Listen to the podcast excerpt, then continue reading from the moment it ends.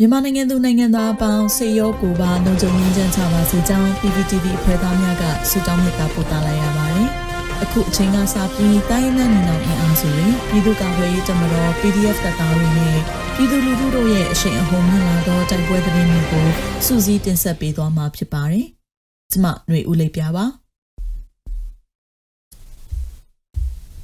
ပထမဆုံးအနေနဲ့စိတ်ဖြူတွင်စစ်ကောင်စီတပ်အချင်းချင်းတိုက်ခိုက်ခံရကစစ်သား9ဦးသေဆုံးပြီးစစ်တပ်ဖမ်းဆီးထားသည့်ပြည်သူတရားချုပ်ကိုကဲထုတ်နိုင်ခဲ့တဲ့သတင်းတင်ဆက်ပါမယ်။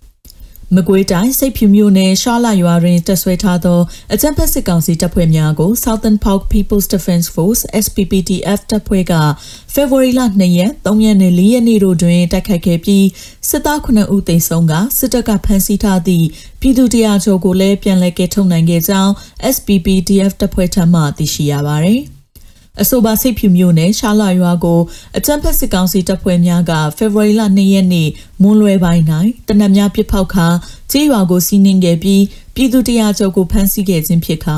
ရင်းစစ်ကောင်စီတပ်ဖွဲ့များကို SPPTF တပ်ဖွဲ့က2ရက်နေ့တွင်လက်နက်ကြီးဖြင့်၄ကြိမ်ပစ်ခတ်တိုက်ခိုက်ခဲ့ကြောင်းသိရှိရပါသည်။ ထို့နောက်ဖေဖော်ဝါရီလ3ရက်နေ့ SSPPDF တပ်ဖွဲ့များကစစ်ကောင်စီတပ်ဆွဲထားသောကြေးရွာအတွင်းသို့နနက်ပိုင်းနှင့်ညနေပိုင်းများတွင်ဝင်ရောက်ပစ်ခတ်တိုက်ခိုက်ခဲ့ပြီးဖေဖော်ဝါရီလ4ရက်နေ့တွင်ရင်းစစ်ကောင်စီစစ်ကြောင်းကိုထပ်မံမိုင်းဆွဲတိုက်ခိုက်ခဲ့ကစစ်သား9ဦးသေဆုံးခဲ့ကြောင်းသိရှိရပါသည်ရင်းတို့မိုင်းဆွဲတိုက်ခိုက်ခဲ့ပြီးနောက်ရှာလာရွာအတွင်းစစ်ကောင်စီတပ်ဖွဲ့များဖမ်းဆီးထားသည့်ပြည်သူတရားကျော်ကို Southern Park People's Defense Force SPPDF တပ်ဖွဲ့ကကဲထုတ်နိုင်ခဲ့ခြင်းမှာ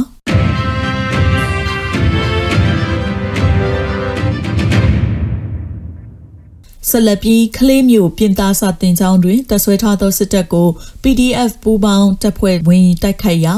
အနိကတိုက်ပွဲဖြစ်ပြီးစစ်တပ်ဘက်မှဗိုလ်ကြီးတအုပ်အပါအဝင်12ဦးသေဆုံးက PDF 9ဦးကြာဆုံးတဲ့သတင်းတင်ဆက်မှာပါ။ စကိုင်းတိုင်းခလေးမြို့နယ်တွင် February 4ရက်နေ့ည9နာရီခွဲအချိန်ပြင်သာစာတင်ကျောင်းတွင်တပ်ဆွဲထားသောစစ်ကောင်စီတပ်ဖွဲ့ဝင်များကို PDF ပူးပေါင်းတပ်ဖွဲ့ကဝင်ရောက်ပစ်ခတ်ရာစစ်ကောင်စီဘက်မှဗိုလ်ကြီးတအုပ်အပါအဝင်12ဦးသေဆုံးပြီး PDF ဘက်မှ9ဦးကြာဆုံးကြောင်းခလေးမြို့နယ်ပြည်သူ့ကာကွယ်ရေးအဖွဲ့ကသတင်းထုတ်ပြန်ပါတယ်။ February 4ရက်နေ့ည9နာရီခွဲအချိန်ပြင်သာစာတင်ကျောင်းတွင်တပ်ဆွဲထားသောစစ်ကောင်စီတပ်ကိုပြည်သူ့ကာကွယ်ရေးတပ်ဖွဲ့တရင်6နှစ်ခုနှစ်က ဝင်တိုက်ခိုက်ခဲ့ကြောင်းပြင်သာစာတင်ကြောင်းအခန်းထဲတွင်ထိုင်နေသည့်ပြူစောတိအဖွဲ့နှင့်စစ်သားလေးဦးကိုလက်ပစ်ဗုံးဖြင့်ပစ်ခတ်တိုက်ခိုက်ရာအလုံးသေဆုံးခဲ့ကြောင်းသိရှိရပါသည်။နှစ်ဖက်အနီးကပ်တိုက်ပွဲပြင်းထန်ခဲ့ပြီးကနအူအကာအကွယ်မယူမီပြည်သူ့ကာကွယ်ရေးတပ်ဖွဲ့မှပြင်သာသားတရင်6တပ်စုမှုတယောက်ချဆုံးသွားကြောင်းအနီးကပ်တိုက်ပွဲဖြစ်သဖြင့်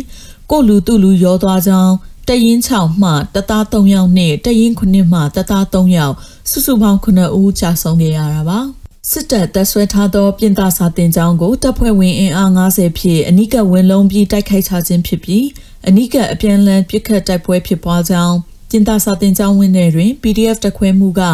စစ်တပ်ဗိုလ်ကြီးကိုတနက်ဖြစ်တိတ်ပစ်တက်နိုင်ခဲ့ကြောင်းတေဆုံးသွားသောဗိုလ်ကြီးမှာခလေးမျိုးကန်ဖြစ်ပြီးခလေးမျိုးညောင်ပင်သာရက်ကွက်ဖျားသုံးစုမှဖြစ်ကြောင်း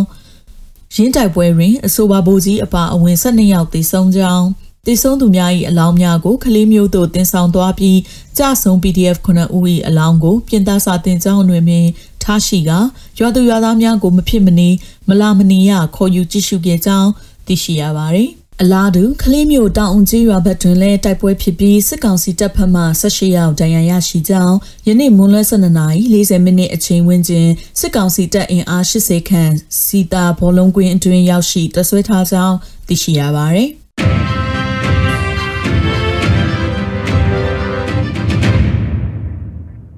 မကွေးတိုင်းလောင်းရှိမြို့ပေါ်ရှိစစ်ကောင်စီတပ်စခန်းကို PDF ပူးပေါင်းအဖွဲ့ဝင်တိုက်ခိုက်ပြီးစစ်ကောင်စီဘက်မှဗိုလ်တအုပ်နှင့်စစ်သားတအုပ်တေဆုံးတဲ့တဲ့ဆက်လက်တင်ဆက်ပါမယ်။မကွေးတိုင်းလောင်းရှိမြို့ပေါ်ရှိစစ်ကောင်စီတပ်စခန်းကို PDF ပူးပေါင်းအဖွဲ့ဝင်တိုက်ခိုက်ပြီးစစ်ကောင်စီဘက်မှဗိုလ်တအုပ်နှင့်စစ်သားတအုပ်တေဆုံးကြောင်း YDF စွန်အန်ကျောက်ထုကသတင်းထုတ်ပြန်ပါတယ်။ February 4ရက်နနက်4နာရီခွဲအချိန်ခန့်တွင် PDF စော YDF စွန်အန်ကျောက်ထု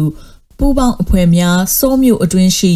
အရာရှိများတပ်ဆွဲထားရာနေရာနှင့်စစ်ကောင်စီတောက်တိုင်များအားတိုက်ခိုက်ခြင်း PDF လောင်ရှိ LRPDF နှင့် YDF စွန်အန်ကျောက်ထုပူပေါင်းတဖွဲ့များကလည်းလောင်းရှိမြို့မိတကုံတွင်တပ်ဆွဲထားသောစစ်ကောင်စီတပ်ကိုပြစ်ခတ်တိုက်ခိုက်ခဲ့ကြောင်းတိုက်ပွဲမှာနေရာနိုင်ခန့်ပြင်းထန်ခဲ့ပြီးစကားစပတ်မှနှစ်ပွင့်ဘိုးတအူးနှင့်တတာတအူးကြာဆုံးခဲ့ကြောင်း YDF စွန်အန်ကြောက်ထုကသတင်းထုတ်ပြန်ပါတယ်။ စစ်ကောင်စီကလက်နက်ကြီးဖြင့်ပစ်ခတ်တိုက်ခိုက်သောကြောင့်ဒေသခံပြည်သူကြာဆုံးမှုရှိပြီးထိခိုက်ဒဏ်ရာရရှိမှုများလည်းရှိကြောင်းကာကွယ်ရေးတပ်ဖွဲ့ဝင်များထိခိုက်ဒဏ်ရာရရှိမှုမရှိကြောင်းသတင်းထုတ်ပြန်ထားပါတယ်ရှင်။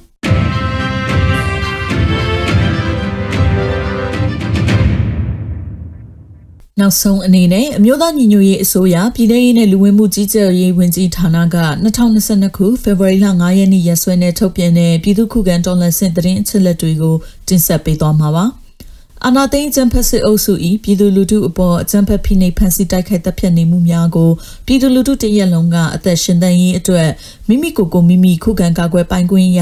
ပြည်သူ့ခံစစ် People's Defensive War ကိုဆင်နွှဲလျက်ရှိပါတယ်။တရင်ချက်လက်များအရာ ၄ရက်2လ2022ရက်နေ့တွင်စစ်ကောင်စီတပ်ဖွဲ့ဝင်63ဦးသေဆုံးပြီးထိခိုက်ဒဏ်ရာရရှိသူ15ဦးအထိခုခံတိုက်ခိုက်နိုင်ခဲ့ပါတယ်။စစ်အာဏာရှင်စနစ်မြန်မာမြေပေါ်မှာအပြည့်တိုင်ချုပ်ငြိမ်းရေးနဲ့ Federal Democracy တည်ဆောက်ရေးအတွက်ငြင်းချမ်းစွာဆန္ဒပြသည့်လူထုတပိတ်တိုက်ပွဲများကပြည်내နဲ့တိုင်းဒေသကြီးများမှာဖြစ်ပွားပေါ်ပေါက်လျက်ရှိပါတယ်။မြေပြင်မှာယခုတွေ့ရတဲ့သတင်းချက်လက်များထက်ပို၍ဖြစ်ပွားနိုင်ပါတယ်ရှင်။